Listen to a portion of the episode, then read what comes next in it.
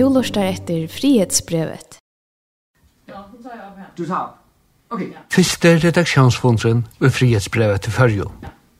Til stier er Barbara Holm, i Kjolvor og Mads Brugger ju frihetsbrevet i Danmark. Jeg vil vise deg altså noen av de her billeder som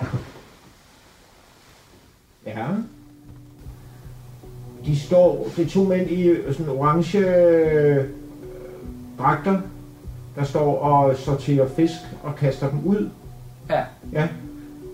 Og det vil så sige, at og alle de fisk, som vi ser, der bliver kastet til side, de ender her. De ryger ned i havet. Ja. Du kan se fisk er her. Utroligt. Ta næra berg koma fuklafjør leia kvölde, stå og politiet og vørn fyrir skipunum. Illegal fishing is a global challenge.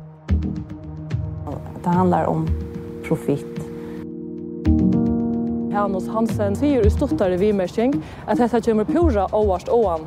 Men i neka i mål, så skal det genga herlig ut i det felen som brøyda reklene. Is this willful blindness is the question? You know, how can you, how can you not put two and two together? Vi må bare ha efterlit vi at tar som prøver at omgangsløvene tar som prøver at sluta, at tar blir fengt i.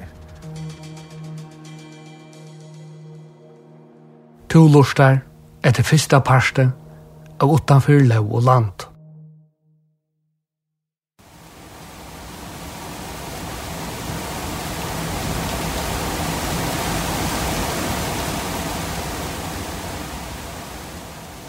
Så la oss gjøre det om våre nære berget fiskeskipen som kom til fyrir 2014 og som ble selt til Paulands i fjør. Vi møyre enn 120 meter til langt der og 15 meter brøyer, var etter nekvar størsta fiskeskipet i fyrjon. Frihetsbrevet har finnst myndir fra flere personer som har vært ved næra berget som viser verksemi ombord. Myndene viser at nå hetta. Fiskeren var fyrst vattur vi gjennom risastøren tråle, og så gjennom pumpa ur ombord i tankar. Herfra var fiskeren pumpa av vujar til en møtekopavn, og så gjennom flottor til verksmina, etter flottningsbånden tjøkkenen skiljara. Det er kanskje ikke så vanligt at skiljeband skiljer fisk i støtter. Men av næra berget kunne de øyn parser av flottningsbanden flytast, så leis av minste fiskeren forba nyra dekje.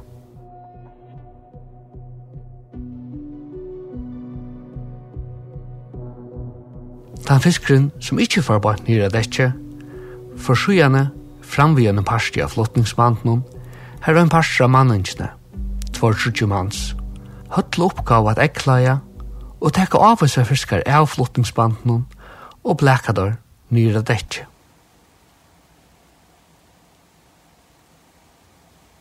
av dekkjennom Lidja til deie fiskar alla stana. Soma stana i haupastar uppe i rikfon vi tusentals fiskon. En vatslanga spolar alla tiden rett dekkjennom, så lesa fiskur vi skåla og rett rennun rennon, er rist og vujer Ut i havet. Og de fisk, de har sorteret fra, eller ja. smidt ud, hvad, hvad er det for nogle fisk? Ved man det?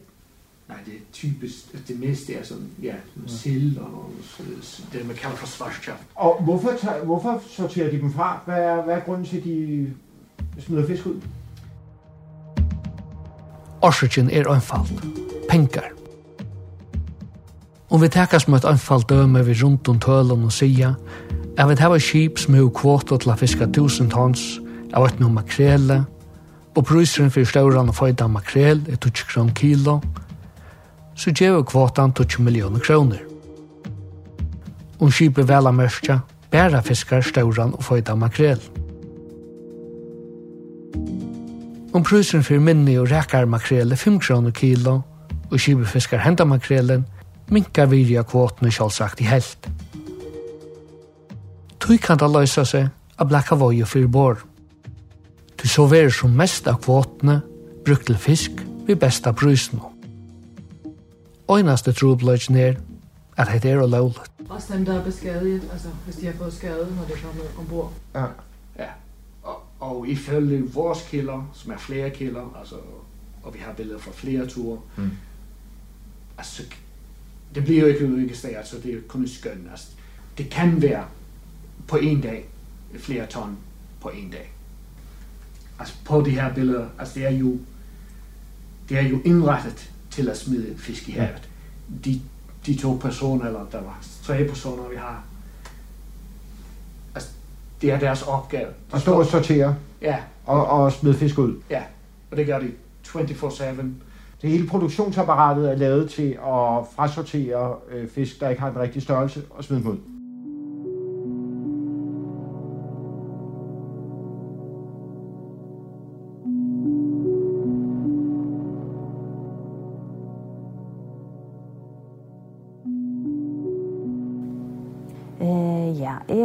också till att alla flest folk huxar om utläggning som som, som något skarpt.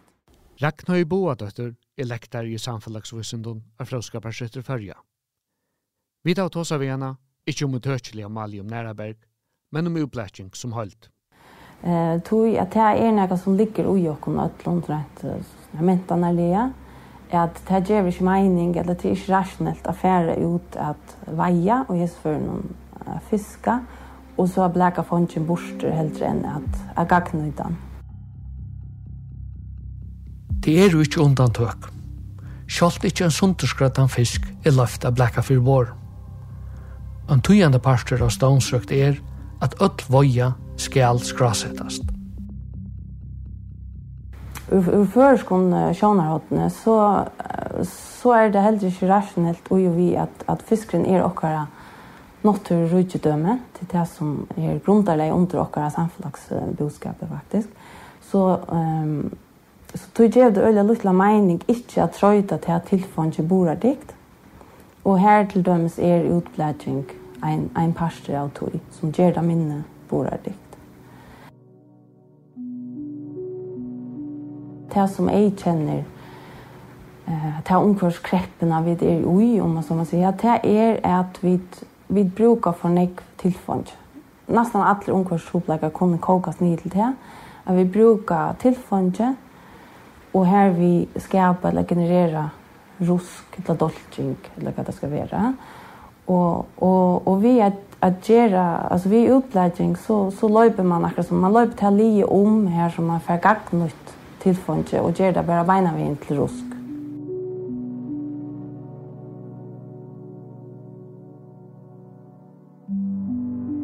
den største avbjørnsen i heimen ganske til er vi en veksande heimspopulasjon, vi veksende eh så er den store avbjørnsen at, at, at få framlagt nok av mæte, samståndet som vi minka om tilfåndjes norslene. Og her vi vil det bare opp at mer tøtninger mye, er at vi gagner det. At alt det tilfåndjes som vi, som vi bruker, som, som man kan säga som naturen framlägger och som vi brukar ta in i våra budskap.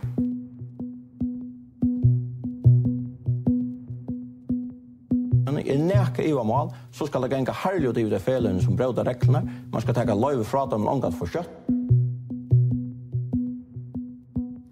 Og jeg skiljer ekla vel det som er framme nå, jeg ser søgnast tøyna, det som henter med Namibia og så er, at det gjør folk øtta vi må bare ha etterlit vi at tar som prøva at omgangsløvene tar som prøva at snuta at tar blei fengt i.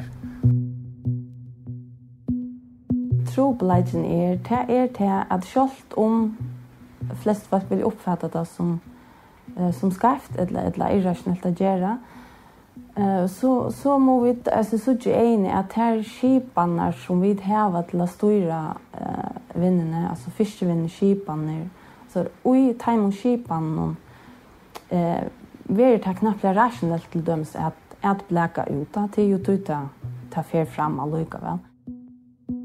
Det handlar om bottenlinjen, ja? alltså det handlar om profit.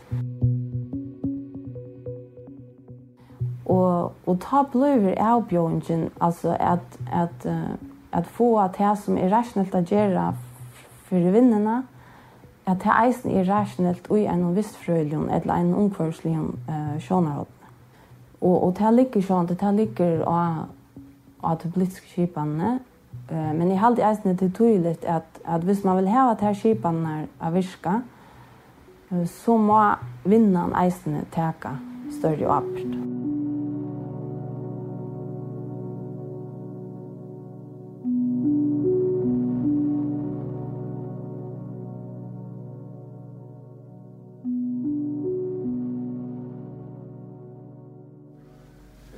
Hvem ejer den båd? Øh, der er to ejere på, på båden.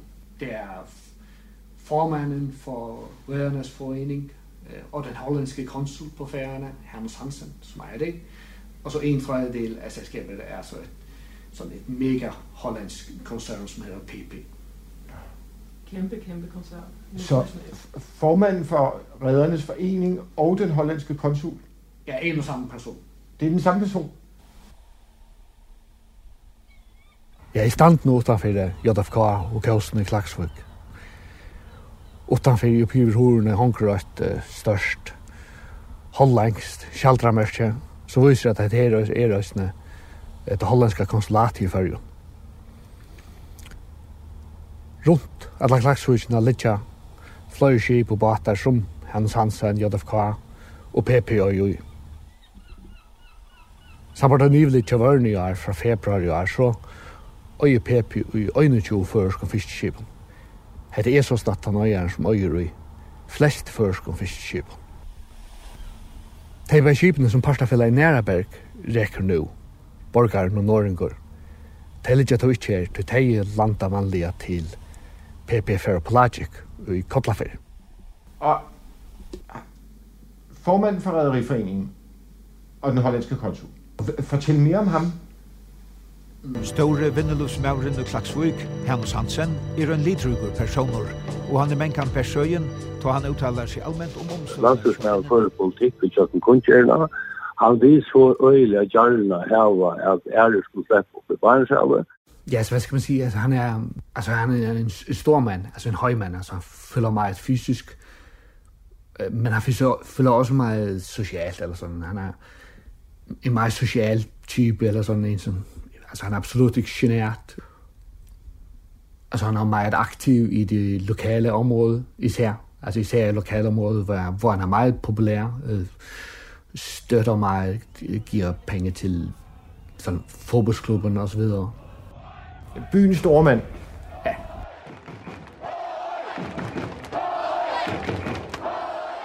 Men altså som personligt har han også det, at han er så meget... Øh, altså han, han er typen, som arbejder alltså nog det som man vill kalla lobbyist eller sån alltså han han arbetar med det också sån behind the scenes. Jeg kan nævne et eksempel. For nogle år tilbage, så, så lavede jeg et indslag om... Øh, jeg arbejdede for TV-nyhederne, så lavede jeg et indslag om, at, øh, at der var en del habilitetsproblemer, fordi hans svore var fiskeriminister tar jag själv Lammhagen struts vi får Jakob Mikkelsen fra som sjøl nei som fiskmaler. Han kunne ikke lide det indslag som vi lavede, så ringede han til generaldirektøren for KVF, Public Service Station, og spurgte, om hun kunne fyre mig. At du skulle fyres? Ja, ja. ja. Øh, men det kunne hun så ikke. Og det havde jeg meget svært ved at forstå. Så, så, så gik der sådan cirka to uger. Så fik vi en ny nyhedschef, Og så den første uge, så ringede han til nye chefen, om øh, hun kunne føre mig. Så han er sådan den der type som... Som, øh, hvis han ikke kan lide en journalist, er, ikke er bleg for at ringe og sige, øh, kan du ikke føre ham eller hende? Ja. Har, har du mødt øh, Hernus? Ja, ja, ja. altså, jeg har interviewet ham flere gange, altså øh, ganske vanlig, sådan, altså, social fyr. Ja. Og har han talt med jer om den her historie nu? Ikke nu, men... I, ikke nu, øh, men øh, jeg lavede en lignende historie. Ikke med så mange billeder, men, men, men noget, som indikerede det samme øh, for en år siden. Dultar upptøkker fra ombord av Næraberge viser utlæring av fiske for en ervik og sojene. Samt loven om sjåfange er dette og lovløs. Det er i hvert fall at det kom meget bag på ham, at det var på den her måten jeg var meget overrasket over, at, at det blev smidt fisk i havet, fordi det er meget ulovligt for færgen. Øhm, så han var meget glad for, sagde han, at jeg havde gjort ham Illegal fishing is a global challenge affecting both rich and poor countries and one that exists in small and large scale fisheries. Owing to its concealed and illegal nature, we do not know exactly how big of a problem illegal, unreported and unregulated fishing is, but we do know that the problem is massive. Organized crime does exist within the global marine fishery industry. Tar vi tåsa om fiskeskap og fiskevinne, ta er det fyrjar og i mån til okkara stødd, er vi er vi stor, kunne vi sige. Vi tar en av øye store heltavei per, eh, per capita, altså per kvann uibygva. Eh, og, og den globale heltaveien ligger stabilt om en 50 millioner tons, eller godt til. Eh, og, og, og her eier føringer om det er 12 prosent ganske. Så, så immun til dere folketall er, er til øye negv. Og det mest ikke jeg vet eier Det vil si at vi teka en også stor part av de globale køkene som er tøk for alle folk og i heimene. Og ta, ta åtte vi ganske tid større og arbeid eisene.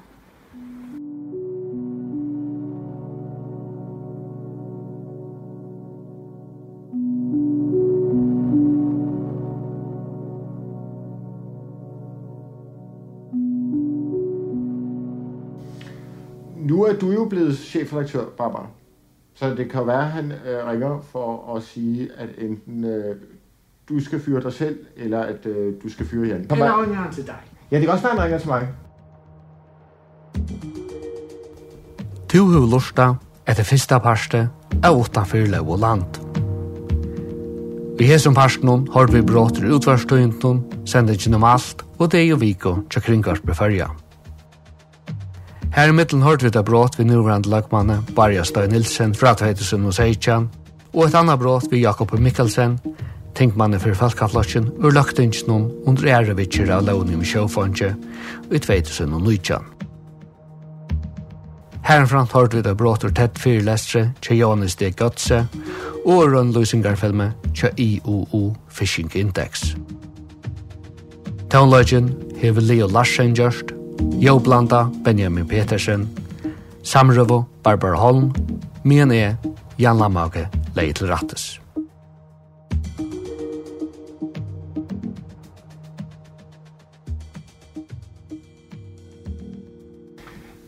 Nogen, tænker jeg, som I helt oplagt også skal tale med, er selvfølgelig øh, politiet. Ja. Det gjør vi i ørenparste, av utanför lov og land. Av frihetsbrevet.fo kan stå i sin lesen av grøyen vi nøkna mynden som veri omrøttar og som parsten.